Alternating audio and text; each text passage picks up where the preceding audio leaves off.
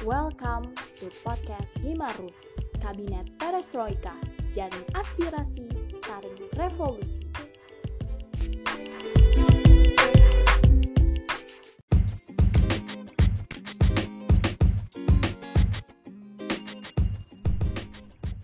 Dabro Pazalovat na podcast Himarus. Selamat datang di podcast Himarus. Perkenalkan nama aku Evi.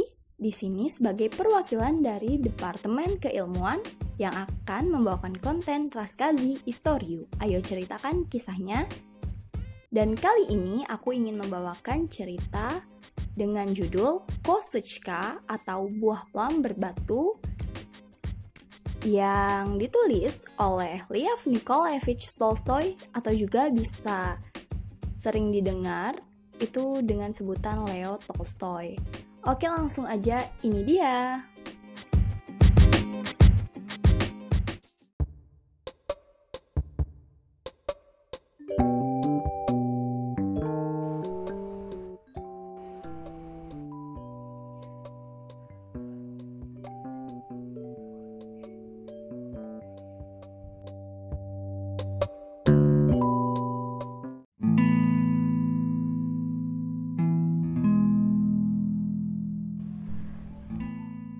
Liev Nikolaevich Tolstoy Kostechka Plumstone Buah plum berbatu Mat kupila sliv ihatela ihdat decem posli abieda Seorang ibu membeli beberapa buah plum dan ingin memberikannya kepada anak-anaknya seusai makan siang.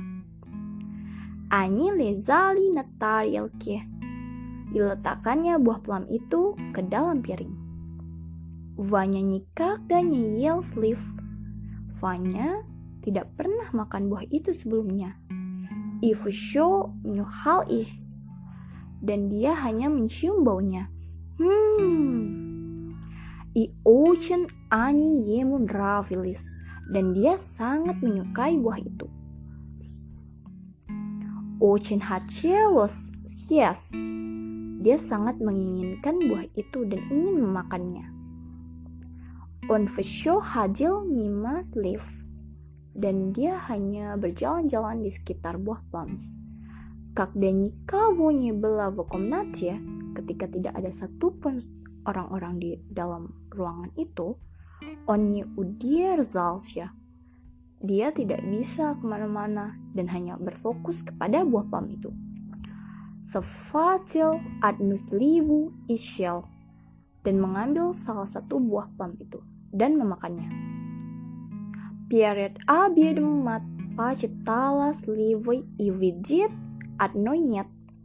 Sebelum makan siang, ibunya menghitung buah plums dan melihat ada satu yang kurang. Adnoinyet salah satu menghilang. Anas kazala atsu. Ibunya memberitahukan kepada ayah.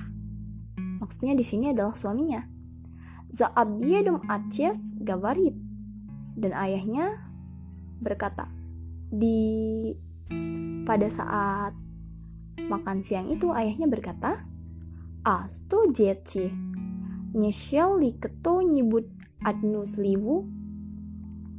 Jadi anak-anak, apakah ada di antara kalian yang makan buah plum? Fishos kazali nyet. Semua orang berkata tidak. Vanya pakrasnya kakras. Vanya memerah seperti udang. Maksudnya wajah Vanya memerah seperti udang. Iskazal toje nyet ya nyeyel dan dia akhirnya berkata juga tidak aku tidak makan itu takda acias kazal stoshel ketonibut izvas etenye harasho kemudian ayahnya berkata fakta bahwa dari salah satu dari kalian yang makan buah itu itu tidaklah baik. Maksudnya ayahnya berkata di sini social ketonibut izwas mengetahui bahwa salah satu dari kalian memakan buah itu etengnya harosho itu tidaklah baik. Nonya betom biada. Tapi yang lebih buruk dari itu biada betom stovas liwah yes kostочки. Yang lebih buruk dari itu adalah jika kalian memakan buah itu, если кто не умеет их есть и проглотит косточку. Yang terburuk adalah jika kalian memakan buah itu tanpa tahu bagaimana caranya makan buah itu dan menelannya. Проглотит kosteçku, memakan buah itu. Tocheres Jen umriot, dan kemudian kalian akan mati, ya etavu bayus, dan itulah yang aku takutkan. Jadi, di sini ayahnya berkata kan, kalau misalkan uh, apa mengetahuinya saja, mengetahui buah itu hilang dan mengetahui juga bahwa salah satu dari mereka ada yang makan walaupun belum ada yang mengakui di sini itu adalah hal yang buruk. Apalagi yang lebih buruk dari itu adalah ketika mereka tidak tahu bahwa buah itu memiliki batu. Dan jika buah itu dimakan, maka ak, e, batunya juga akan ikut tertelan. Jadi kalau mereka tidak tahu cara makannya, maka itu yang sangat membahayakan. Iyas ketonya um yayat ihyas dan jika seseorang tidak tahu cara makannya, ipraklacit kostechku dan itu akan e, membuat kalian menelan kostechku buah plum yang berbatu ini. Ваня побледнел и сказал, «Нет, я косточку бросил за окошко». Ваня sangat ketakutan dan berkata, «Нет, я косточку бросил за окошко». Tidak, aku membuang batu itu ke jendela, keluar jendela kok. Ившо засмеялись, dan semua orang tertawa. Avanya zaplakal, kecuali Vanya yang mulai menangis.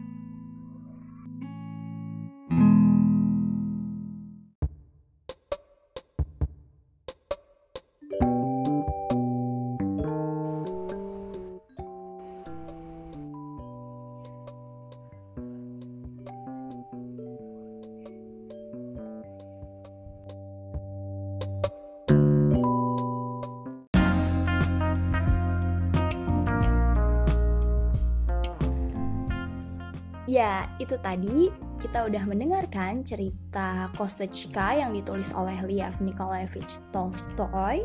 Sekarang aku mau membahas singkat nih, siapa sih Leo Tolstoy itu? Oke, langsung aja ya. Lev Nikolaevich Tolstoy atau biasa yang atau biasa disebut sebagai Leo Tolstoy lahir pada 9 September 1828 dan wafat pada tanggal 20 November 1910 pada saat usianya 82 tahun. Beliau merupakan seorang novelis, penulis cerita pendek seperti Kosuchika tadi ya, dan ya dia sering juga menulis tentang cerita anak-anak gitu. Dia juga merupakan penulis drama dan esai, bahasanya menggunakan bahasa Rusia dan juga Prancis. Kebangsaannya tentu saja Rusia, dan karya yang paling terkenal salah satunya, hmm, nggak salah satu sih aku akan menyebut kedua, salah duanya adalah War and Peace atau Perang dan Damai dan juga Anak Karenina. Kalian kalau mau baca bukunya yang karena ini tebel banget ya War and Peace ini. Dan juga mungkin kalian jenuh, kalian bisa ton nonton aja filmnya. Ada di internet, kalian bisa langsung cari War and Peace atau anak Karenina. Aku lebih suka anak Karenina karena menurutku eh, nggak uh, begitu berat, tapi juga menghibur dan juga banyak pesan moralnya. Oke, okay, kalau kalian mau tahu lebih banyak tentang uh, siapa aja sih sastrawan-sastrawan Rusia, kalian bisa tuh search di Google kalian karena kalian harus cari tahu sendiri mungkin nanti akan ada penulis-penulis lainnya yang aku bacain ceritanya atau mungkin juga masih Leo Tolstoy juga karena merupakan beliau merupakan penulis cerita pendek yang ceritanya juga singkat tapi tadi ya kayak tadi juga banyak pesan moralnya. Oke, udah segitu aja dulu. Lanjut lagi nih, kita masuk ke sesi diskusi filosofis.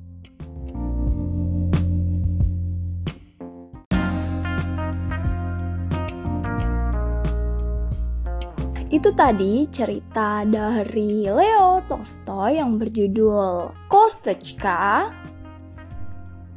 Menurut kalian gimana nih ceritanya? Nah, menurut aku sendiri ya, cerita ini mengajarkan bahwa agar kita tidak mengambil sesuatu yang bukan milik kita. Seperti yang dilakukan oleh Fanya, walaupun di sini Fanya digambarkan sebagai seorang anak kecil yang tidak tahu apa-apa. Maksudnya nggak tahu apa-apa juga sih. Mungkin ya dia tidak tahu kalau itu adalah sebuah kesalahan. Karena ada dibuktikan dengan tadi teks yang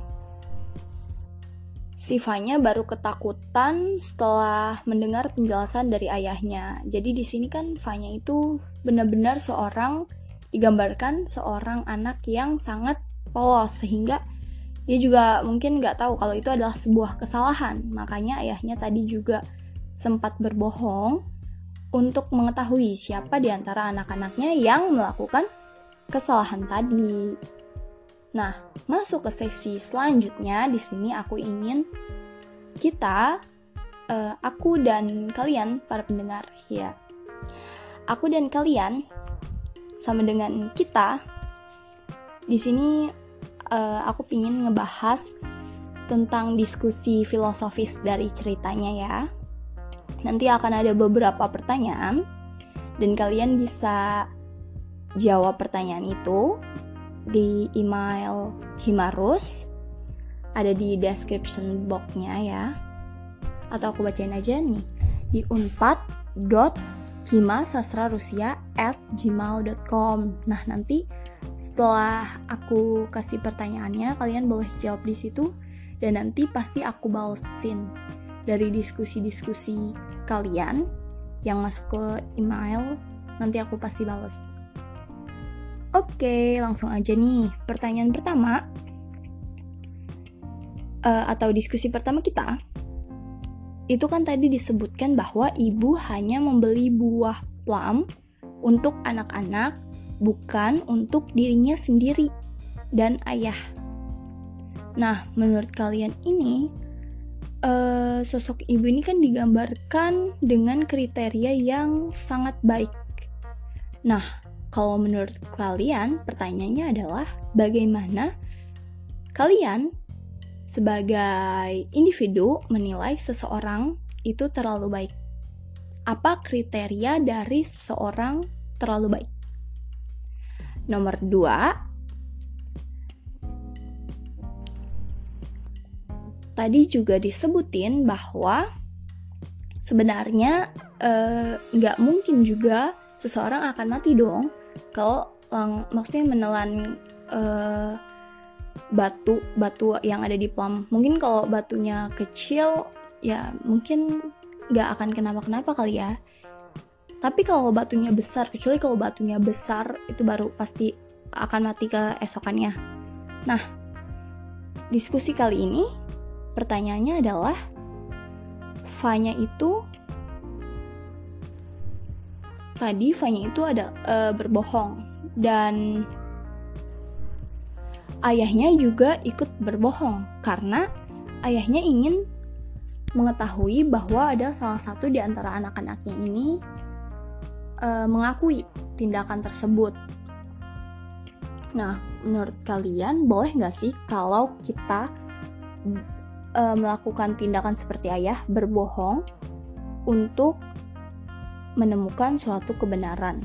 Boleh nggak sih kita berbohong untuk menyatakan ancaman atau ya kebohongan agar kebenaran itu dapat diketahui? Menurut kalian gimana? Oke lanjut. Di nomor 3 Mungkin juga nih uh, Ayah Fanya sudah tahu bahwa sebenarnya Yang memakan buah plum itu adalah Fanya.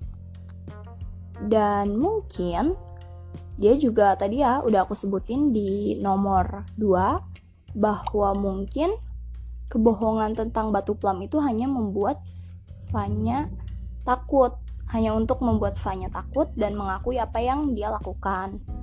Nah, diskusinya adalah pertanyaan diskusinya adalah mengapa sih kita begitu sulit mengakui kesalahan yang kita lakukan?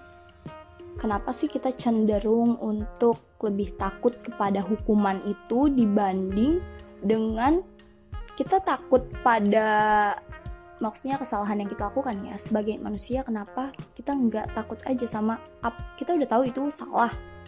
Dan kenapa kita tidak mengakuinya? Kenapa dengan harus embel-embel uh, hukuman ini sendiri?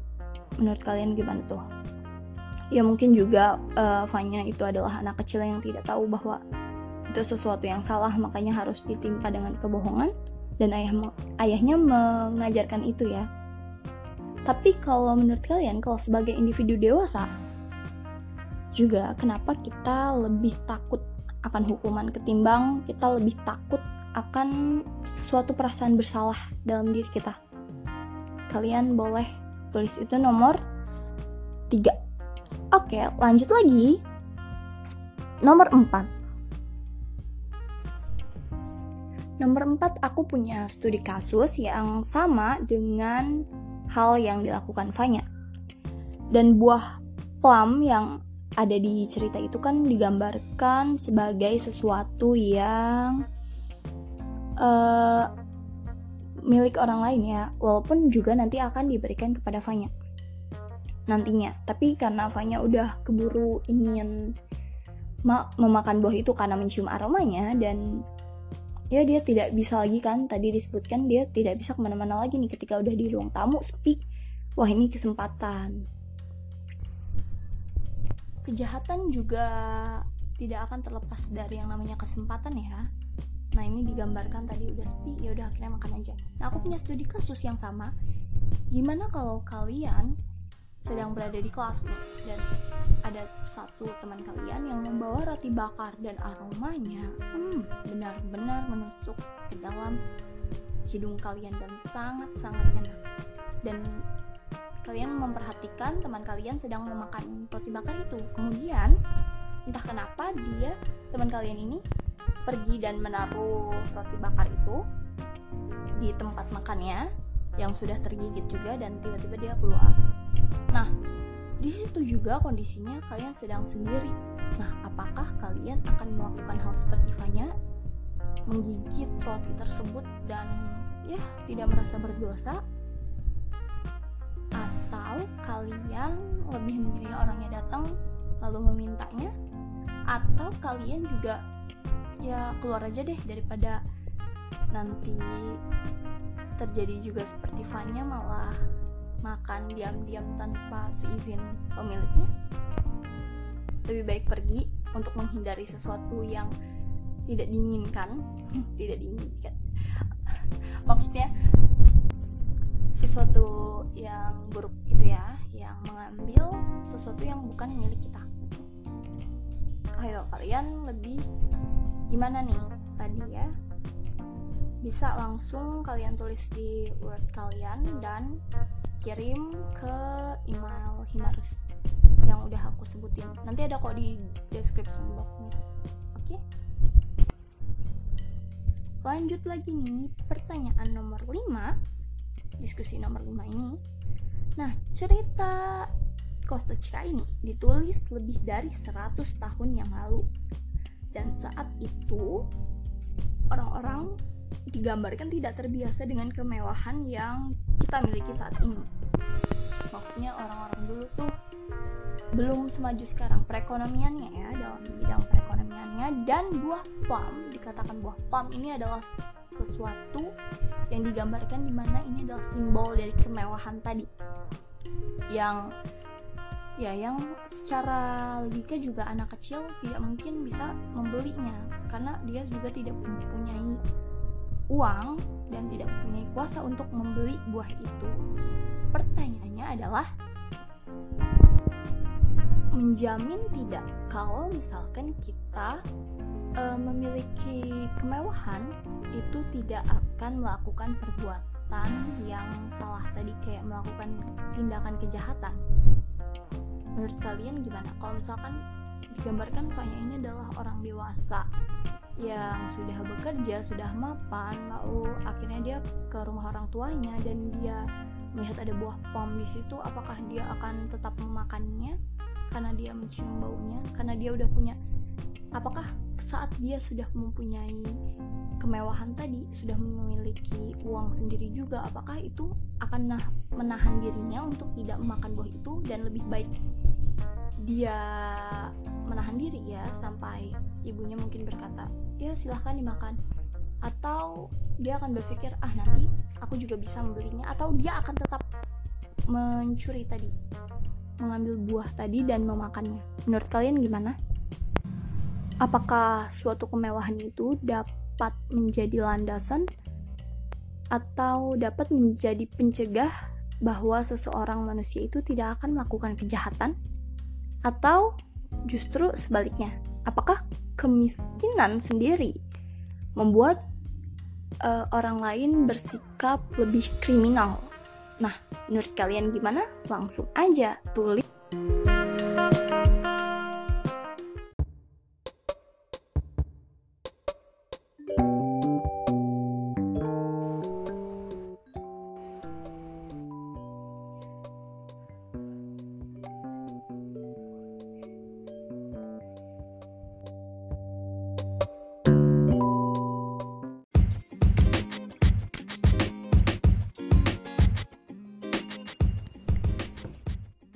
Itu tadi cerita dari Leo Tolstoy yang berjudul Kostechka dan juga diskusi tentang diskusi filosofis tentang Kostechka ini. Kalian langsung aja jawab ya. Tulis dulu di words kalian, lalu kirim ke email himarus di unpad.himasastrarusia@gmail.com. Oke, jangan lupa uh, kan kita bisa diskusi di situ dan pasti aku balas Oke, sampai jumpa di episode-episode selanjutnya. Das vidanya. Paka, sampai jumpa.